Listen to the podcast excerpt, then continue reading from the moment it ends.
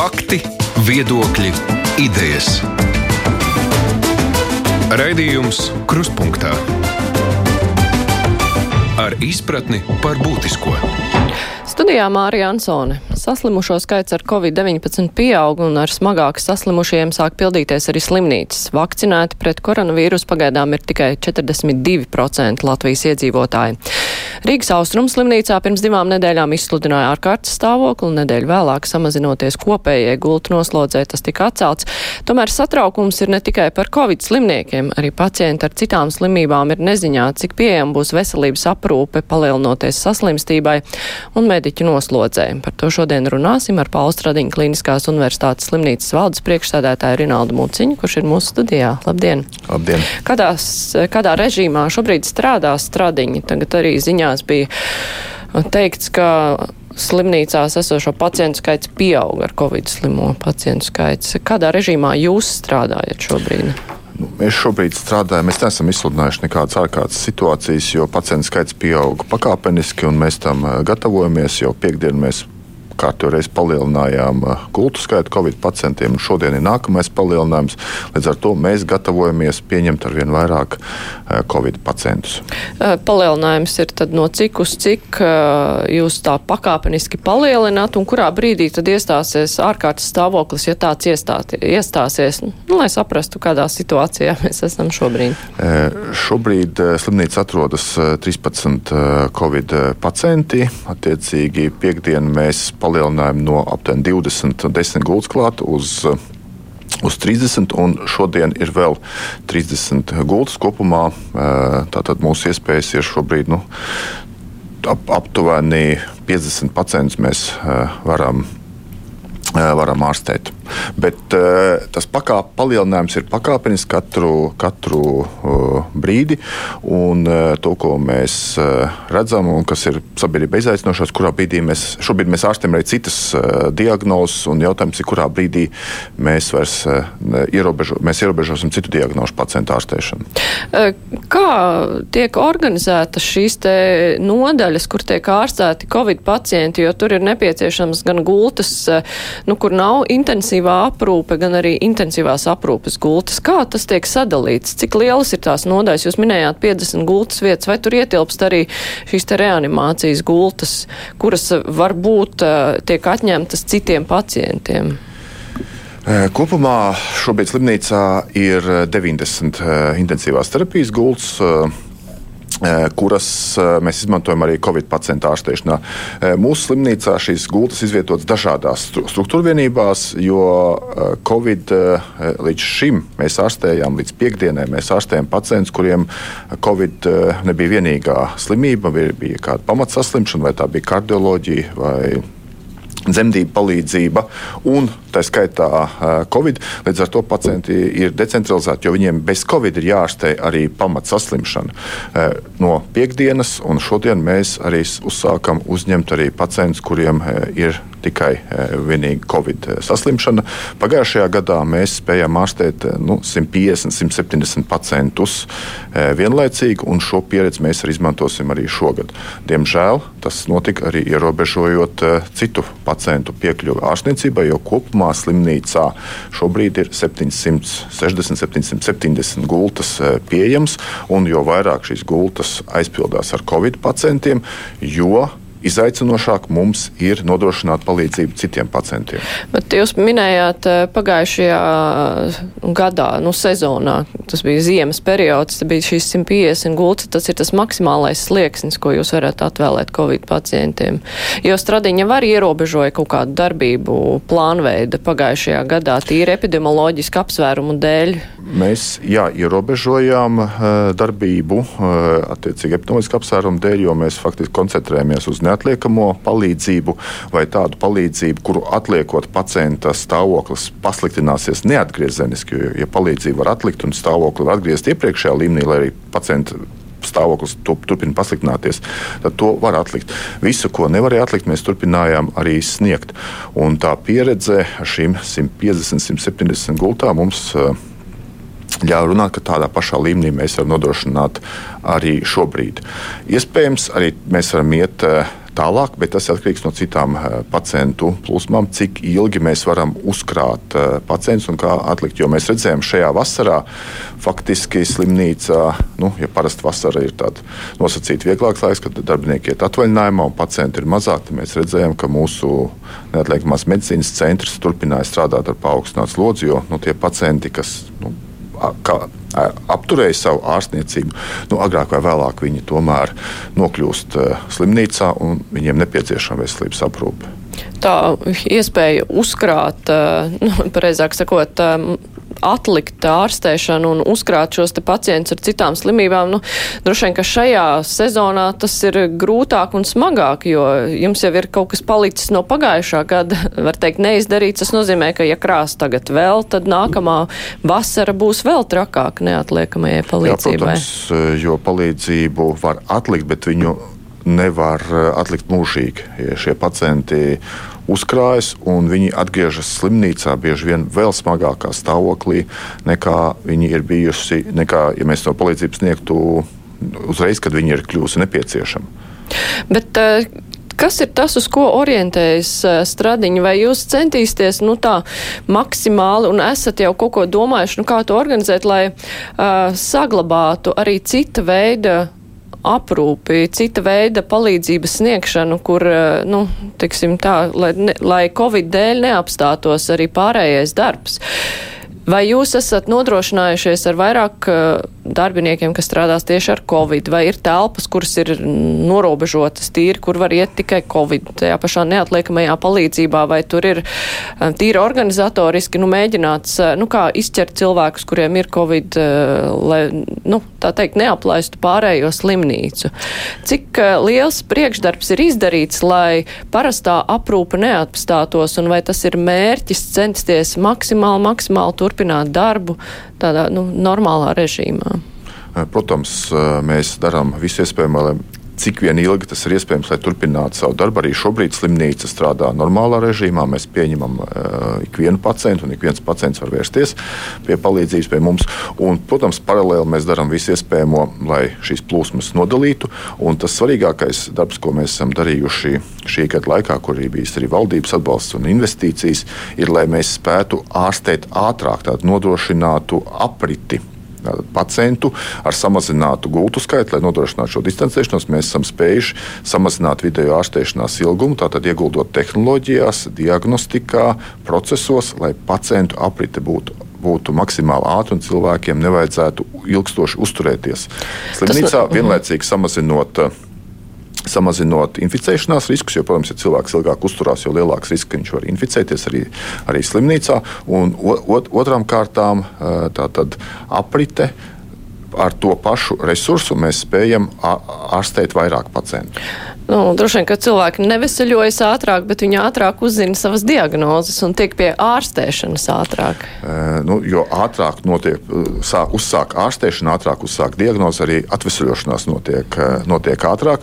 Un otrām kārtām, stabilizējot šo pacientu, mēs varam viņu nodot tālāk citiem posmiem veselības aprūpas sistēmai, ambulatorijā ārstēšanā, ģimenes ārstā, aprūpē, kur viņš var turpināt. Un attālinātās konsultācijas mēs viņu arī turpinām pieskatīt šo ārstniecības procesu. Tā nav, ka pusārstēta cilvēka cilvēki tiek ātras aprites dēļ izsviesti laukā. Nē, tā nenotiek. Bet, eh, nu, ko tas prasīja? Kādus ieguldījumus tas prasīja? Jo tas, ko jūs sakat, ja cilvēki ātrāk tiek pie izmeklējumiem, droši vien arī pie speciālista, tas nozīmē, ka vajadzēja gan vairāk darbiniekus, gan aparatūru.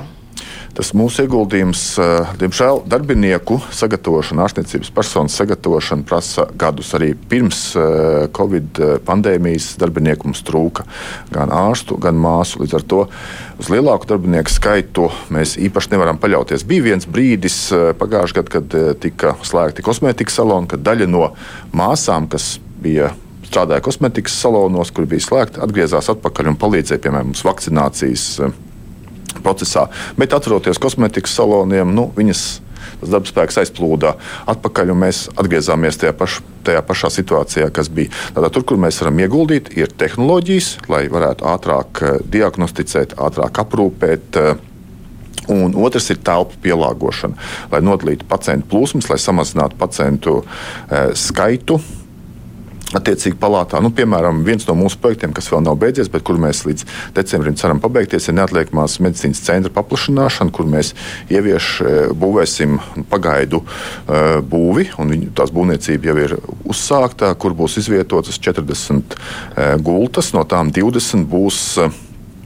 Uh, šie nodalītie boxi, kur tieši varēs būt piemēroti infekcijas slimību ārstēšanai un izolēšanai. Tas mums būs liels atspējas, ņemot vērā, ka mūsu šī brīža neatliekamās medicīnas centrs nu, nav piemērots tai plūsmai, kas ir pat bijis pirms pandēmijas.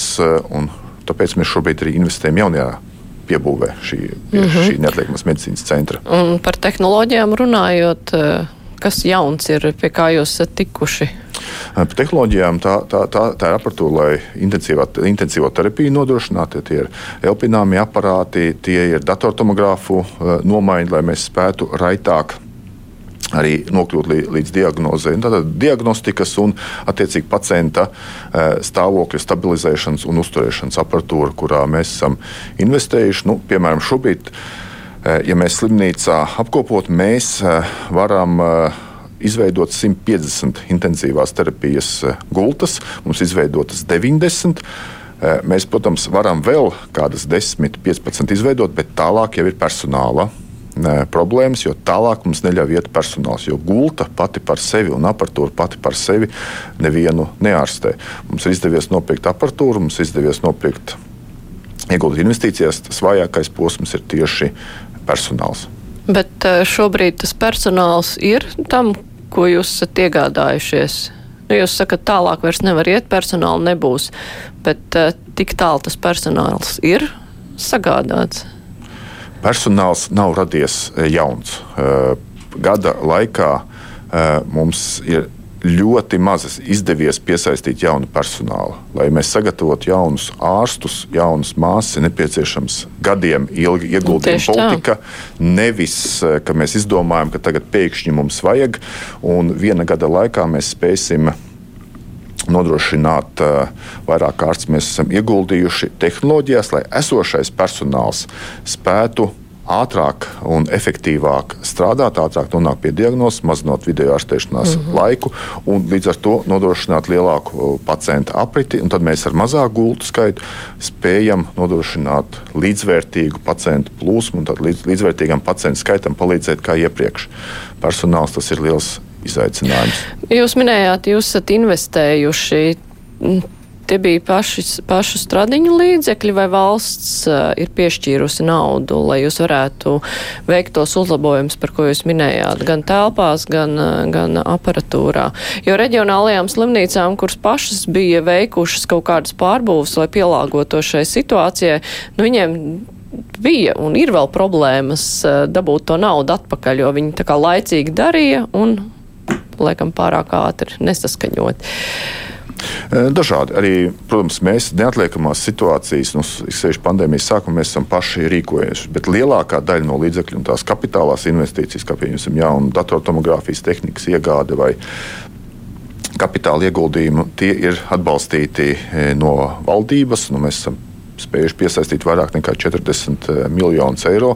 Mēs esam uzsākuši, un tas, protams, nebūs šī gada un ne nākamā gada jautājums, A2 korpusa būvniecība, kur mums būs jaunais neatliekamās medicīnas centrs, bet tas ir 24. gads, kad viņš sāks strādāt. Līdz ar to investīcijas mums ir šobrīd, un naudas resursi ir pieejami, bet ieguldot šīs investīcijas, tas izaicinājums ir, ka vienlaicīgi ieguldot, tātad remontējot, mainot aparatūru, mums ir jānodrošina slimnīcas funkcionalitāte. Mums jānodrošina, ka tas pacientu skaits, kas pie mums nāk ikdienā, un katru dienu slimnīcā vēršas 160 līdz 200 eh, pacienti, kuri vēlas saņemt neatliekamo medicīnas palīdzību, no tiem 20 līdz 30 tikai tiek stacionēti. Tātad pārējie, pārējie arī tiek izvērtēti, viņu veselības stāvoklis nonāk līdz diagnozei, un tad lemj par viņu tālāku ārstēšanu ambulatorā. Tikai neliela daļa tālāk nokļūst eh, stacionārā. Un, lai šis process mums arī notiktu raitāk, un mēs viņus spētu šo plūsmu arī apkalpot, nodrošināt, mums ir nepieciešams šīs investīcijas neatliekamās medicīnas centrā. Tāpēc mēs pieņēmām lēmumu paplašināt šo centru, arī negaidīt 24. gadu, bet esošo centru jau paplašināt un uzlabot, jo pandēmijas situācija vairs mums neļauj domāt, ka 24. gadā mēs iegūsim jaunu, modernu, mūsdienu prasībām atbilstošu neatliekamās medicīnas centru. Tāpēc valsts atbalsts ir vitāli svarīgs bet uh, ir virkne ierobežojumu, kas mums neļauj, varbūt nu, no malas šķiet, ka jā, jums nauda ir, kāpēc jūs nedarat ātrāk. Bet šī vienlaicīgā funkcionalitāte un visas pārējās drošības prasības, celtniecības prasības, iepirkuma uh, procesi, kas nav mainījušies, mums uh, neļauj strādāt un ieguldīt ātrāk, lai mēs to paši arī labprāt gribētu viennozīmīgi. Vai vajadzētu mainīt nu, šos naudas izmantošanas nosacījumus? Nu, teiksim, tās reģionālās slimnīcas, kuras es pieminēju, tām jau arī tās problēmas ir tāpēc, ka nu, viņi mēģināja kaut ko izdarīt ātrāk, bet valstī naudas tērēšanas nosacījumi kādi ir tādi ir, un tāpēc viņam te ir grūtības dabūt to naudu atpakaļ.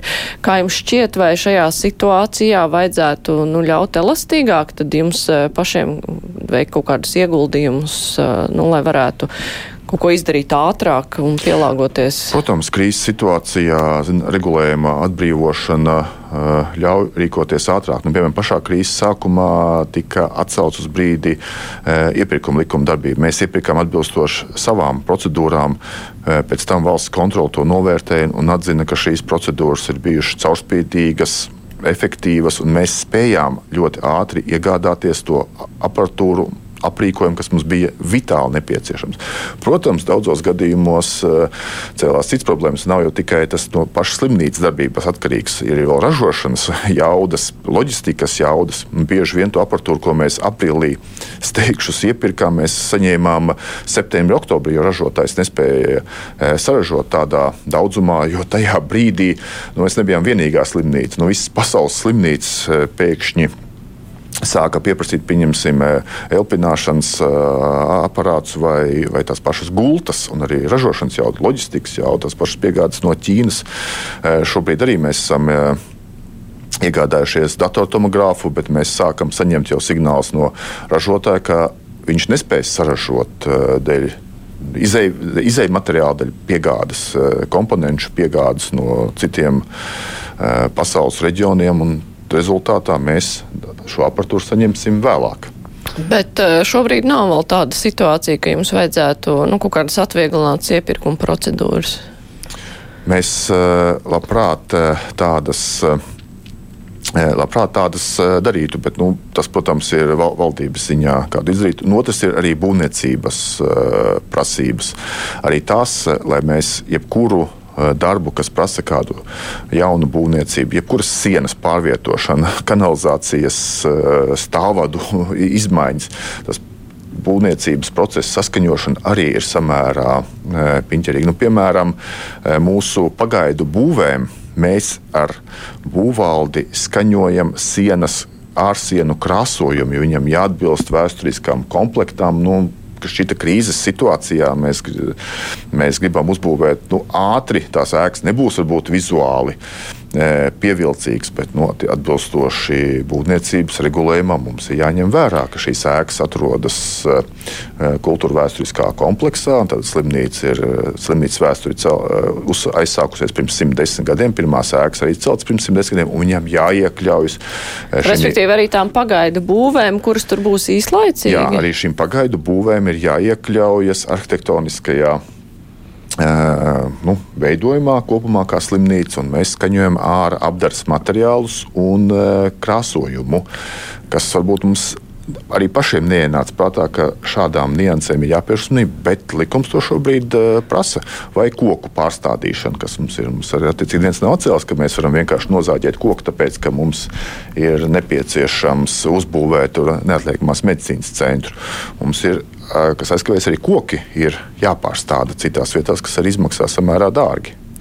Jūs esat vērsušies, es nezinu, vai nu pie savas veselības ministrijas vai pie ekonomikas ministrijas, kas atbild par šīm būvniecības lietām, nu, lai viņi padomā, kā var nu, tādā ārkārtas situācijā pie, pielāgot atvieglojuši noteikumus, ja tur runa ir nevis par kaut kādu būvju drošību, bet, nu, tīri par, nu, tām lietām, ko jūs minējāt, kas tieši neskar, nu, kaut kādas būvju eksploatācijas drošību. Mēs šobrīd apkopojam visus tos piemērus, mē, ar kuriem mēs esam saskārušies, un attiecīgi ar pašvaldību mēs par to runāsim, kādā veidā mums vajag ātrāk. Jo attiecīgi būvnieks mums sola, piemēram, pabeigt līdz uh, gada beigām, bet uh, mums ir nepieciešams, lai arī būvvalde šīs uh, ēkas pieņemtu, jo mums, mums ir vitāli nepieciešams tām prognozēm, kāds mums būt, būs pacientu skaits, lai mēs tur varētu izvietot pacientus. À, tas nozīmē, ka jūs esat vērsušies Rīgas pašvaldībā. Mēs ar Rīgas lai... pašvaldību mm -hmm. mēs apkopojam un runāsim, un mēs uzturam dialogu, bet mēs runāsim augstākā līmenī, lai skatīsimies, kā, šīs, kā šos jautājumus atrisināt, lai tas notiktu raitāk. Bet, eh, nu, tās, eh, cik jūs līdz šim esat runājuši, tur ir pretīm nākšana, ka to var atrisināt? Uh, nu, tas, es, raksturo... ja es nerunāju par būvvaldi, piemēram, bet uh, par nu, kaut kādiem domām. To raksturotu tā, nu, mutiski, jā, mutiski šī situācija tiek saprasta, bet tad, kad mēs saņemam rakstiskus lēmumus, uh, uh, tad šīs pretimnākšanas vairāk nav. Un tas tiek pamatots samērā vienkārši. Nu, pēc diviem gadiem pēc diviem gadiem varbūt viss aizmirsīs, ka ir bijis jau pandēmija un covid, un tad nāks kāds pārbaudīt. Un mēs nebūsim rīkojušies atbilstoši likumam. Kurš tad mūs sodīs? Nē, mēs negribam, lai mūs sodītu, un mēs strikti ievērojam likumu katru punktu. Tas Latvijai ir raksturīgi daudzās jomās, ka mēs nevis domājam pēc būtības, bet nu, attiecīgi pieejam gramatiski likumam. Nu, grūti ir pārmest. Nu, mēs nu, mēģināsim pārliecināt, un varbūt arī atsevišķos brīžos ir jāmaina šis regulējums priekš šādām situācijām. Bet eh, cik ilgi ir paredzēts izmantot šīs pagaidu būves? Tās ir tiešām tikai uz pandēmijas laiku, vai arī tās var palikt uh, ilgāk? Nu, Un tāpēc ir viņiem plānojam tāds... Uh, viņas izmantot līdz desmit gadiem. Tur ir šis periods, kādā veidā var pagarināt. Tur laikam ir piecu gadu periods, un tad vēl piecu gadu periods, kad viņas var pagarināt. Tur ir noteikts atļaujas, nu, līdzīgi kā citas ēkas. Kad skatās, bet nu, mums viņas būs nepieciešams eh, desmit gadu periodam, jo 29. gadā, 30. gadā mums ir plāns, kad pabeidzas jau arī B korpus, tad A divi korpusi 24. gadā un B korpus ir 29. gadā. Līdz ar to mums var pilnībā zudīs nepieciešamība izmantot eh, šīs eh, telpas. Mm -hmm.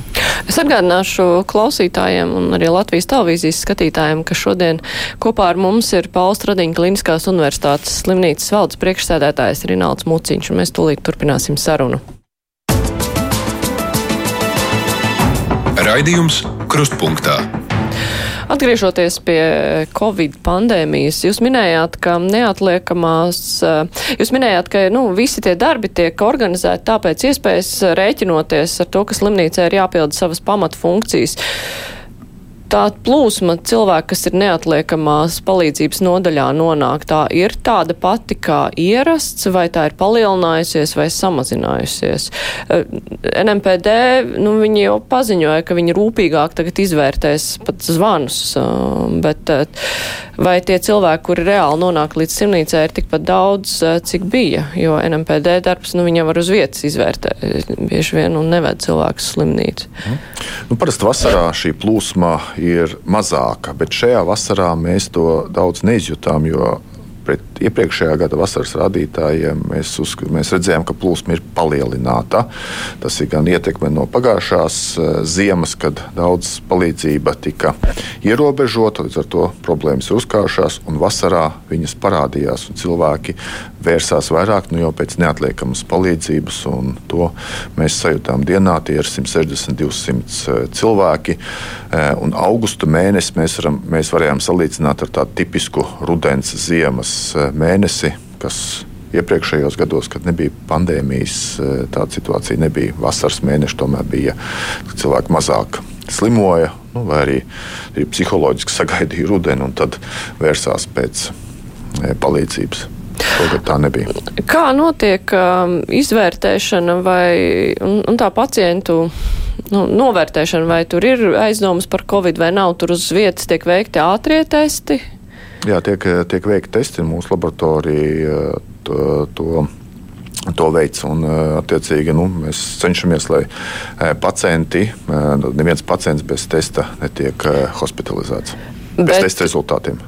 Hospitalizēts, bet pašā nodaļā tur jau ierodās pacienti ne tikai, kurus atved ātrā palīdzība, bet varbūt kurš ir pats ieradies bez ātrās palīdzības, nu, NMPD starpniecības. Tie cilvēki, kuri parā, sanāk tajā nodaļā un visi gaida, kamēr viņus apskatīs, viņi ir testēti vai netestēti? Nu, mums ir nodalīts divas plūsmas. Tātad tie, kas ir atved ar ātrā palīdzību, viņi geogrāfiski atrodas citā ēkā, un tie, kas ir saucamie pašatnācēji, viņi geogrāfiski atrodas citā ēkā. Kādu brīdi viņi netestēti, tie, kas Tie, kas tiek hospitalizēti, tālāk, protams, viņi visi tiek, eh, visi tiek testēti. Eh, tālāk šī plūsma ir atkarīga jau no atrašanās ilguma. Nu, piemēram, ambulatorija ierašanās, nu, viņš var pavadīt mūsu slimnīcā ļoti neilgu laiku, un, ja viņam nav ārējās pazīmes, mēs visus netestējam. Līdzīgi arī pie hospitalizācijas mūsu slimnīcā.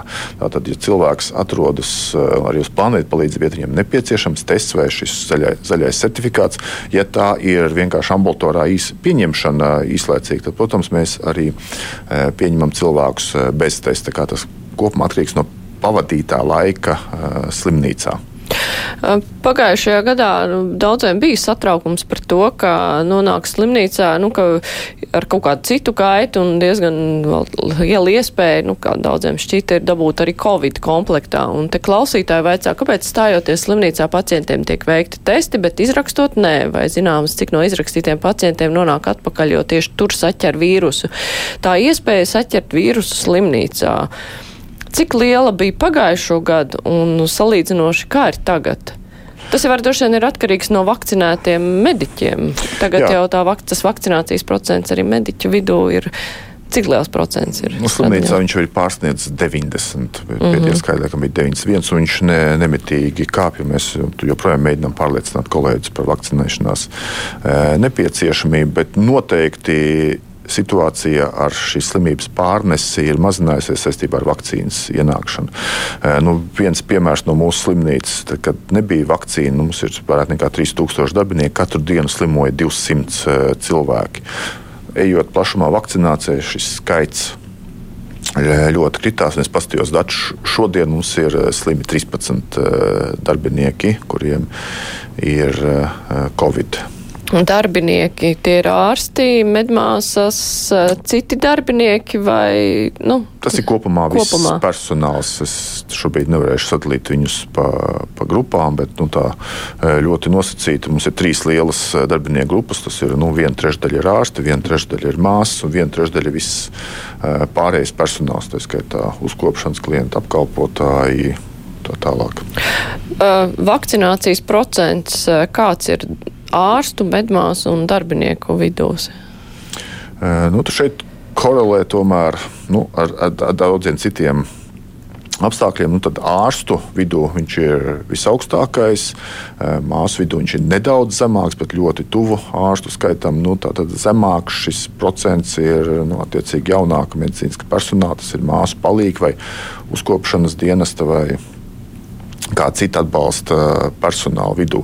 Man arī pagājušajā nedēļā bija saruna ar, ar šiem darbiniekiem, kas eh, vēl izvēluši, izvēlējušies nevakcinēties. Nu, tie iemesli ir visdažādākie un nu, visbiežāk viņi nav saistīti tieši ar, ar tādām medicīniskām bažām. Nu, atsevišķos gadījumos, jā, tur mēs nākam, nāksim pretī saviem darbiniekiem mēs piedāvāsim viņiem ārsta konsultācijas slimnīcā, jo arī no tās informācijas, ko mēs saņemam no viņiem, nu, tie viņi, ārstu viedokļi arī bijuši dažādi. Kur viņi bijuši līdz šim, vai viņi var, vai viņi nevar, vai tas šobrīd būtu piemērotākais brīdis. Bet, nu, attiecīgi, mēs mēģināsim atrast to brīdi nu, viņu chronisko saslimstību vidū, kad šī vakcinācija būtu vispiemērotākā. Bet lielākā daļa ir kādi citi iemesli, tas ir reaģēšana uz spiedienu, vai vienkārši neapmierinātība, vai dažādi. Vai ārstu vidū ir kāds, kuram ir nemedicīniski iemesli nevakcinēties?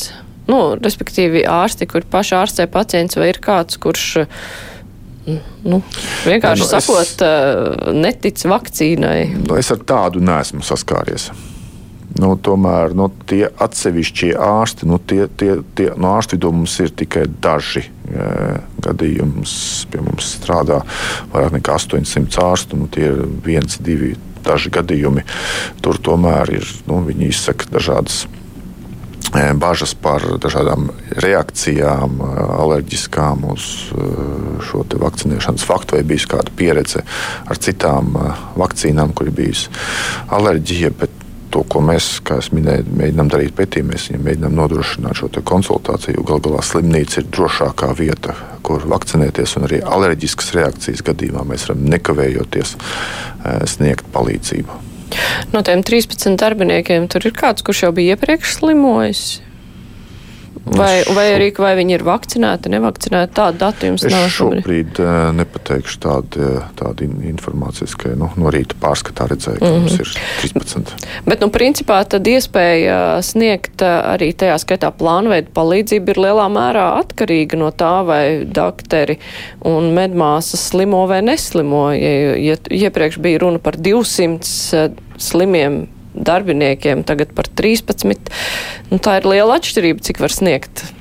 Protams, protams, un tāpēc mums ir vitāli svarīgi slimnīcas eh, iekšēnē panākt maksimāli lielu vakcinēto personu, vakcinēto personu skaitu, un mēs izmantojam dažādas dialoga metodas, lai cilvēks pārliecinātu, tās ir gan lekcijas, gan sarunas, gan ārsta konsultācijas, ko mēs piedāvājam saviem darbiniekiem, lai viņi pieņemtu uh, savu lēmumu situācijā, kad vakcinācija nav obligāta. Mums klausītāji vaicā, cik no 3 miljārdiem Covid naudas ir ieguldīts cilvēkos, personāla algās, lai medmāsām nav jākursē pa trim slimnīcām, cenšoties nopelnīt dzīvošanai vajadzīgo. Jūs jau minējāt, nu, ka personāla dabūt ir grūti, tas eh, mēģina, nu, no tiem kosmētikas saloniem varēja medmāsas dabūt, pēc tam viņi aizgāja strādāt, no cīm redzot arī varbūt algu dēļ atpakaļ, bet, eh, nu, tā tirgošanās eh, varbūt ne tikai Latvijas ietvaros, tā kaut kā notiek, lai dabūtu medpersonālu. Skaidrs, ka visiem vajag, visām valstīm vajag, tāpat kā tās aparatūra, kas tiek pirkta un visi gaida rindās uz, tā, uz, uz aparatūru. Vai ar cilvēkiem var nu, kaut kur meklēt cilvēkus? Ārpus Latvijas. Latvijas speciālists, kur aizbraukuši projām. Jā, nu, to, to, to mēs arī darām nu, šajā, šajā situācijā, ka pagājušajā gadā atsevišķi nozars bija slēgts. Mēs to arī izmantojām, un, lai piesaistītu šo personālu, bet tā situācija ir plūstoša, līdz ko situācija normalizējas. Tad tas personāls arī aiziet prom. Jo šeit nav tikai atalgojuma e, jautājums, šeit arī ir nu, darba sarežģītības, smaguma, atbildības jautājumi, kas strādājot universitātes slimnīcā, medicīnas personālam ir augstākā līmenī nekā strādājot kādā ambulatorā ārstniecības iestādē vai kosmētikas e, E, nozarē. Tas arī ir aspekts, jo mums arī slimnīcas iekšienē ir, nu, ir, ir darbi, kur cilvēki izvēlās labprātāk, ir darbi, kur cilvēki izvēlās nelabprātāk. Nu, piemēram, intensīvā terapija. Neatliekamās medicīnas centrs ir darbs, kur ir vislielākā noslodze. Mēs to mēģinām motivēt ar atalgojumu, bet tas nevienmēr nostrādā. Šobrīd ir no valdības puses atbalstītās arī Covid piemaksas. Mēs jau kopš pagājušā gada rudens maksājam piemaksas tiem kolēģiem, kuri ir saskarsmē ar Covid pacientiem un kuri palīdz Covid pacientiem. Šīs piemaksas faktiski nodrošina viņiem dubultu darba samaksu šajā periodā. Tādā veidā mēs arī motivējam viņus palikt šajā šajā grūtajā darbā un sniegt palīdzību mūsu pacientiem. Bet, eh, nu, jā, mediķi jau ir eh, daudzi teikuši, ka nu, nauda var palīdzēt, bet tas nebūs tāds mūžīgais dzinējs. Un, uh, Ko jūs sakat, eh, kad jums vajag motivēt cilvēkus strādāt šos grūtos darbus? Jo skaidrs, ka nu, visi var saņemties ar, par piemaksu kaut kādu laiku, bet uh, ilgtermiņā. Nu, kas ir tas, kas, nu, kas cilvēkiem liek negribēt? Turpināt eh, strādāt tieši šajās Covid nodaļās, piemēram. Tas, ka pacienti nu, nāk ar vien vairāk un vairāk, un ir skaidrs, ka tas ir droši vien tāpēc, ka cilvēki nav vakcinējušies, respektīvi nav tā atdeve no sabiedrības puses vai nepietiekams atbalsts no valdības puses. Nu, kas ir tas, kas rada lielāko rūkumu? Protams, ir, daž, ir dažādi iemesli, bet tas, kas parādās pēdējā laikā, ir tieši šī vēlme pasargāt e, darbiniekus no uzbrukumiem. Un man bija pēdējā saruna ar arotbiedrību, un tur tieši arotbiedrība arī cēla šo jautājumu, lai slimnīca iestājās pret darbinieku apmelošanu, pret darbinieku nonievāšanu, gan nu, uzbrukumiem, gan no, tieši no pacientu puses, kas atrodas uh, slimnīcā, gan arī tas, kas notiek arī ārpus slimnīcas, uh, nu, dažādās sociālās uh, platformās, kur nu, tur, tur ārsti tiek vainoti par to, ka viņi izgudro šī slimība, ka slimība nav un tam līdzīgi. Protams, var jau teikt, ka ārstiem ir, ir jāārstē, bet nu, tā motivācija ir, ir nu, viņa ir viņi ir, ir, ir mazinās ar katru brīdi, un viņi kļūst nenovērtāki. Tādos apstākļos strādāt vēl sarežģītu darbu, kad um, par tavu darbu. Tavu darbu nenovērtēja ļoti smagi, un šis šobrīd ir aktuālākais uh, jautājums. Ir pat tieši uzbrukumi, tiek dažādi draudi izteikti ārstiem uh, par to, ka nu, viņi tur indē vai viņi īsteno genocīdu vai kādas visādas cit, citas uh, lietas, nu, kas slimnīcai un viņas darbiniekiem nav pieņemamas. Bet ko slimnīca var palīdzēt? Kurš var palīdzēt? Kurš var aizsargāt ārstus? Tas, tas ir gan slimnīcas uzdevums, un katrs, katrs strādājot, atrodoties savā vietā, katrs atbilstoši savai kompetencijai, savai, savai spējai. Pirmkārt, mums ir jāuzticas zinātnē, otrām kārtām mums ir jāuzticas to, ka ārstniecībā neviens lēmums faktiski nav simtprocentīgi drošs. Ārstniecība vienmēr piedāvās uh, to risinājumu, kas ir šajā situācijā drošākais, bet nevienmēr, nevienmēr drošs. Nu, tā, tā ir attieksme, kas mums kopumā eh, jāveido. Un to, ko slimnīca var darīt, slimnīca var vērsties jau pret tādiem ekstrēmākiem eh, gadījumiem ar, ar, ar juridiskām, tiesvedības iesniegumi, iesniegumi policijā, aicinot palīdzēt jau ekstrēmākos gadījumos, kad ārsti tiek nomelnoti vai viņiem tiek draudēts par kādu rīcību, ko viņi ir veikuši. Jo, protams, pacientiem ekspektācijas ir diezgan ir, ir, ir augstas. Viņas vienmēr ir bijušas augstas. Bet eh, nu, šajā situācijā nāk vēl tādi tieši apmelojumi, kas nu, nav pieņemama. Bet eh, nu, šādi incidenti ir bijuši arī uz vietas slimnīcā, klātienē, ka kāds apvaino ārstu, nezinu, kaut kādās tādās izdarībās, ko jūs tur minējāt, indēšana vai, vai covid noliekšana, nu, ka tas notiek tieši uz vietas. Tā tas ir bijis, vai vairāk tas ir izplatīts, nezinu, kaut kur interneta vidē, vai tur zvanot. Nu, tas telpā. lielākā daļa izplatīta interneta vidē, bet atsevišķi, protams, gadījumi ļoti, ļoti reti arī ir slimniecei. Protams, ka cilvēks jau saskarās pats ar, ar šo slimību vai jebkuru citu slimību, tad viņam pašam vajadzīga palīdzība, nu, tad tā domāšana jau ir mazliet uh, savādāka. Vai arī tie, kur radinieki ir nokļuvuši mūsu slimnīcā, lai viņi ko noliek, bet kad konkrēti viņu radinieks vai tuvinieks kāds saskaras ar slimību, tad arī viņa attieksme. Uh, mainās. Tāpēc slimnīcā jau šādi gadījumi ir reti, bet tas nenozīmē, ka viņi nav vispār. Un kā ir ar jaunajiem ārstiem? Nu, Stradiņos bija tā otrā covid nodaļa, to vasarā slēdz, tā nav atjaunota. Šobrīd vēl nav atjaunota. Jā, kur strādāja lielākoties rezidenti, un es atceros, nu, ka bija intervijas ar šiem jaunajiem ārstiem, tad nu, viņi bija tādi dedzīgi palīdzēt, noguruši, bet, nu, gatavi tur iet un cīnīties. Vai jūs esat runājuši ar jauniem ārstiem? Viņi tagad atkal būs iet un gatavi un cīnīties un palīdzēt. Es esmu pateicīgs arī šiem jaunajiem kolēģiem par to, viņi, to ko viņi ir izdarījuši. Un, Un mūsu pacienti arī to ir novērtējuši. Un šobrīd tā situācija, ka viņi, jā, viņi ir gatavi eh, to darīt, un viņi labprāt to darītu. Tieši šis te mums ir visiem kopumā, mēs slimnīcā to novērtējam, visai sabiedrībai ir tas jānovērtē, kad ir šie cilvēki, kuri ir gatavi palīdzēt.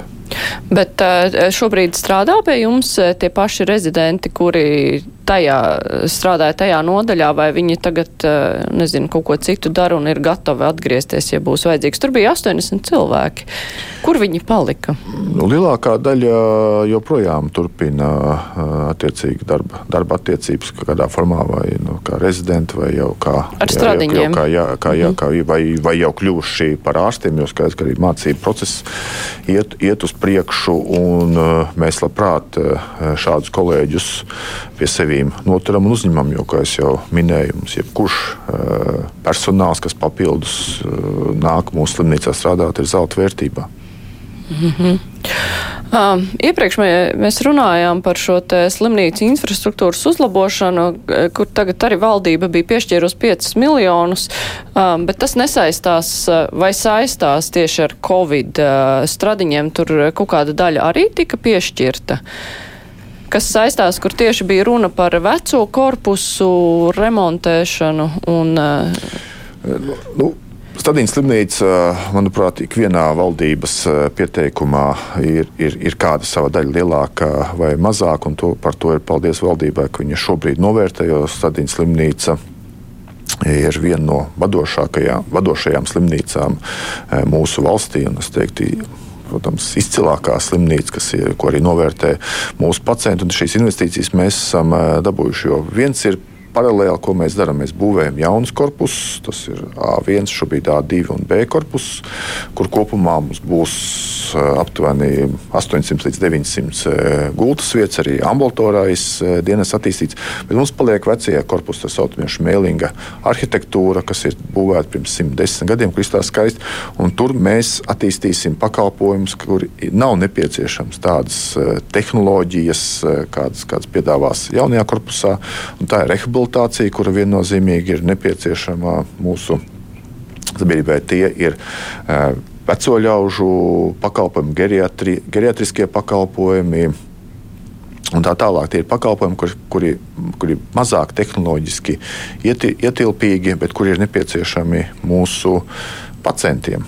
Tātad uh, viņš uzsāks neatliekama ārstēšana jaunajos korpusos un pabeigs ar rehabilitāciju, aprūpi eh, vecajos korpusos. Tas nozīmē, ka jau, nu, tas jau pavisam drīz, ja 24. gada janvārī tas uh, otrā kārta ir jānodod uh, eksploatācijā, tad uh, šī darbības paplašināšana jau notiks nu, pēc pāris gadiem? Mēs esam jau plānošanu uzsākuši šobrīd, un atsevišķās vietās, kur mēs to varam, mēs jau šobrīd iesākam investīcijas, jo tad, kad 24. gadā lielākā daļa no vecā korpusa no Šmēlinga, tas ir pirms 110 gadiem būvētiem, pārcelsies uz A2 korpusu. Tad, attiecīgi, mēs šo veco korpusu pielāgosim tām pacientu vajadzībām, kuras mēs šobrīd pietiekamā skaitā nevaram nodroš nodrošināt dēļ mūsu tātad infrastruktūras iespējām. Un tas ļaus mums ar vien vairāk palielināt pacientu apriti, jo mēs varēsim izrakstīt ārā no intensīvās uh, aprūpes un ārstēšanas vēl ātrāk, un turpat nodrošināt arī šo aprūpi pēc operācijas vai rehabilitāciju, un pacients jau nu, mūsu slimnīca kopumā izkļūs veselāks. Tas nozīmē, ka nu, reāli stradiņi diezgan nu, nopietni paplašinās savus pakalpojumus. Jā, jo mūsu pacientiem tas ir e, nepieciešams un vajadzīgs. Mēs jau darbojamies tikai priekš tā, lai mūsu pacientiem būtu labi.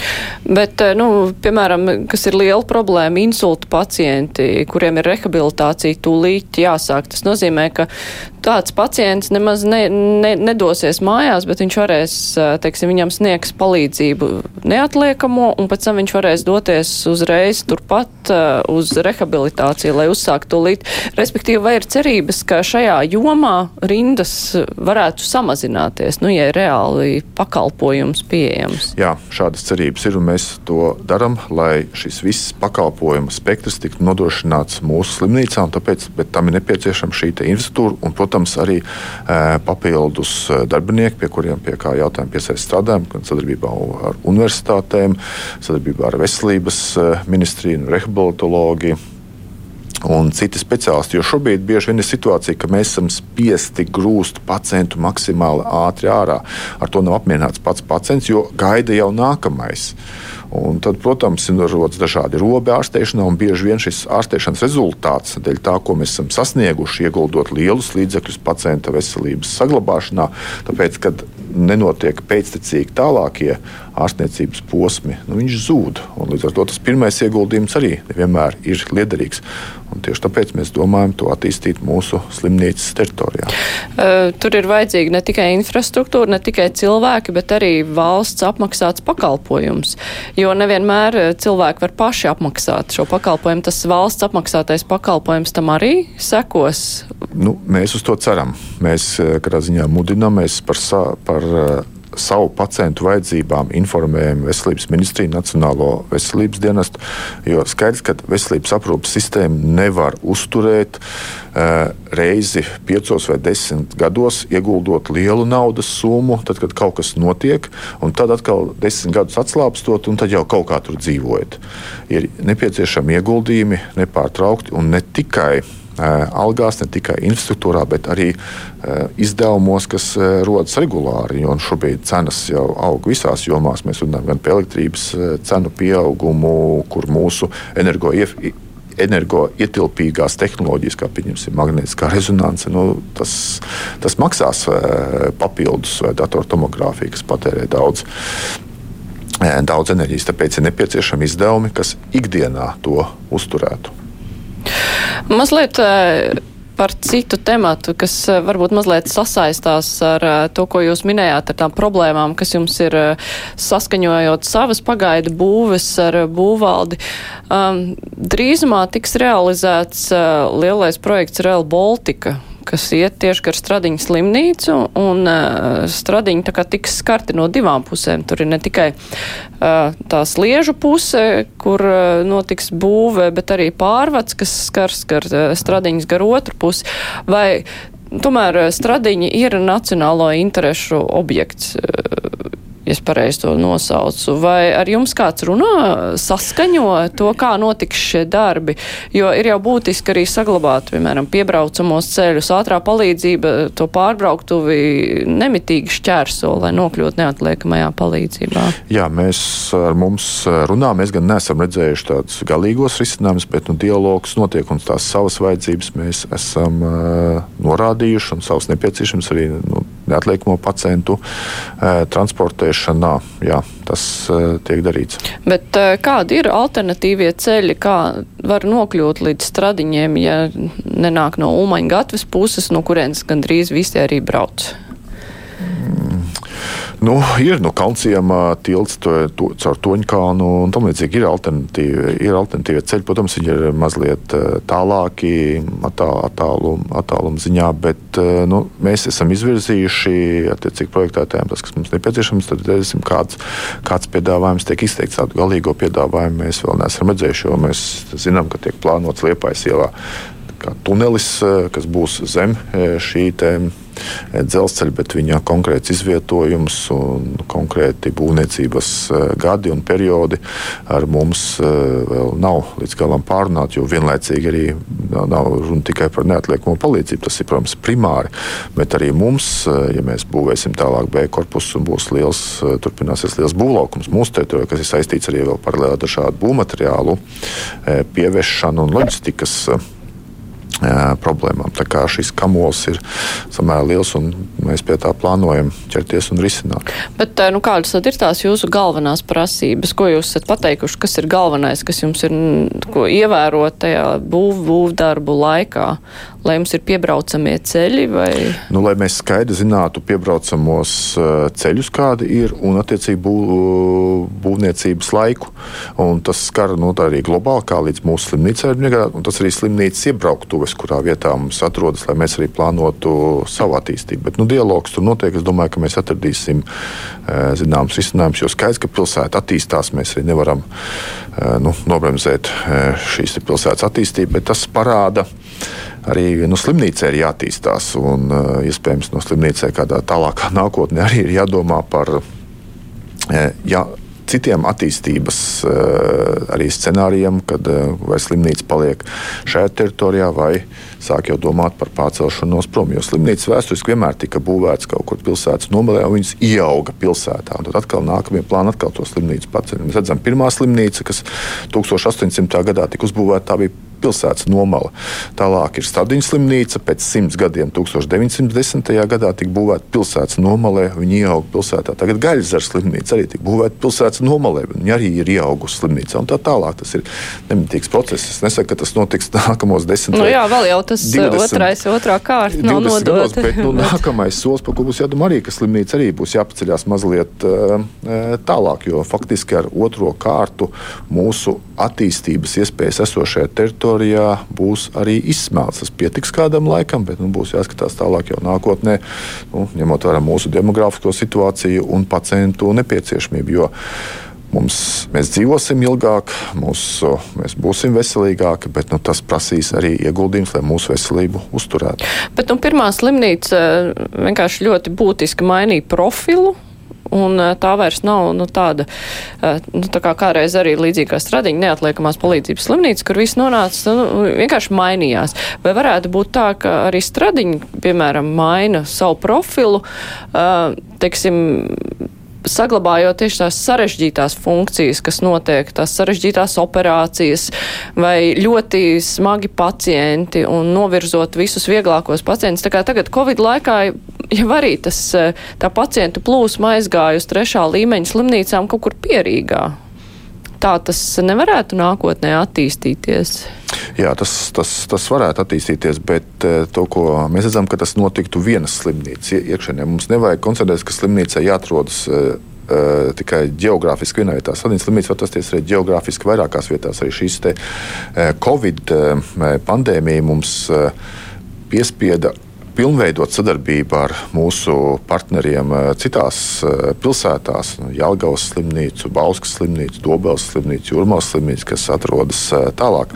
Bet nākotnē, kāpēc tas, tas nevarētu būt Stadiņu slimnīcas vienkārši novietne Dobelē vai novietne Jālgavā? Un tas, protams, ir tālāks nākotnes, jo gal galā šis ārstniecības process mums būs jāsinhronizē, jo pacienti no vieglākā, tomēr gala rezultātā viņiem tā pēdējā instance Latvijā ir Stadiņas slimnīca, kur viņiem nokļūt. Un ja mūsu speciālisti varētu iesaistīties šī pacienta ārstēšanā jau maksimāli ātrāk, tad, tad kad viņš atrodas vēl Jālgavā, vai Dobelē, vai, vai Liepājā, tas pacientam arī nestu labumu. Un šeit mēs domājam arī izmantot arī jaunās tehnoloģijas, telemedicīnas iespējas, kas šobrīd bieži vien ir WhatsApp, kas ir ārstam un ārsts tur izvēles kārtībā. Nu, kolēģis no kolēģa jautājuma, bet tas viss ir jāuzliek uz uz tāda normāla plāna un normāla konsultācija, plānveida konsultācija arī saviem kolēģiem, ne tikai pacientiem. Ko mēs jau pandēmijas laikā esam darījuši. Tātad konsultācija ārstam citā slimnīcā, kā ar šo pacientu labāk tikt, labāk ārstēt, kā viņam labāk palīdzēt. Zem tāda viena lietu sarga atrasties, nu jā, mums laika vairs nav daudz, bet zem tāda viena stradiņa lietu sarga atrasties šādām te, nu, gandrīz dažādām slimnīcām ir finansiāli izdevīgāk nekā dibināt vienkārši citas slimnīcas, ar kuriem stradiņi tad var sadarboties. Es domāju, tas ir. Eh, es, es nerunāju par finansiālo pusi. Nu, finansiāli arī droši vien tur ir, ir iespējas, jo katrs darīja to, kas viņam ir nepieciešams darīt. Jo nemēģinātu noturēt to slimnieku, slimnieku zemākajā līmenī tikai tāpēc, ka man būs nauda nu, mm. no tā. Un tikai tad, kad es esmu iztērējis tās sešas dienas, pa kurām man samaksās, tikai tad es viņu pārvedīšu tālāk. Varbūt viņu pārvedīs arī trešajā, trešajā dienā. Bet kas pats svarīgākais ir šis zināšanu tīkls un šis zināšanu lietusraksts, kas veidotos visā šajā uh, apgabalā, visā šajā slimnīcu. Slimnīcu reģionā un visas šīs slimnīcas strādāt kā viena slimnīca mūsu pacientu interesēs. Jā, nu, katrā ziņā ļoti interesants nākotnes perspektīvas. Bet es teikšu paldies. Šodien kopā ar mums bija Pauls Stradiņa Kliniskās universitātes slimnīcas valdes priekšsēdētājs Rinalds Muciņš. Rīt kruspunktā mēs atkal runājam par budžetu. Šoreiz mēs papētīsim vairāk izglītības ministrijas budžeta prioritātes, ko ir paredzēts izdarīt nākamajā gadā. Bet šodien raidījums izskan producenta Tevi Junām un studijā bija Mārija Ansona. Visu labi, tiekamies rīt!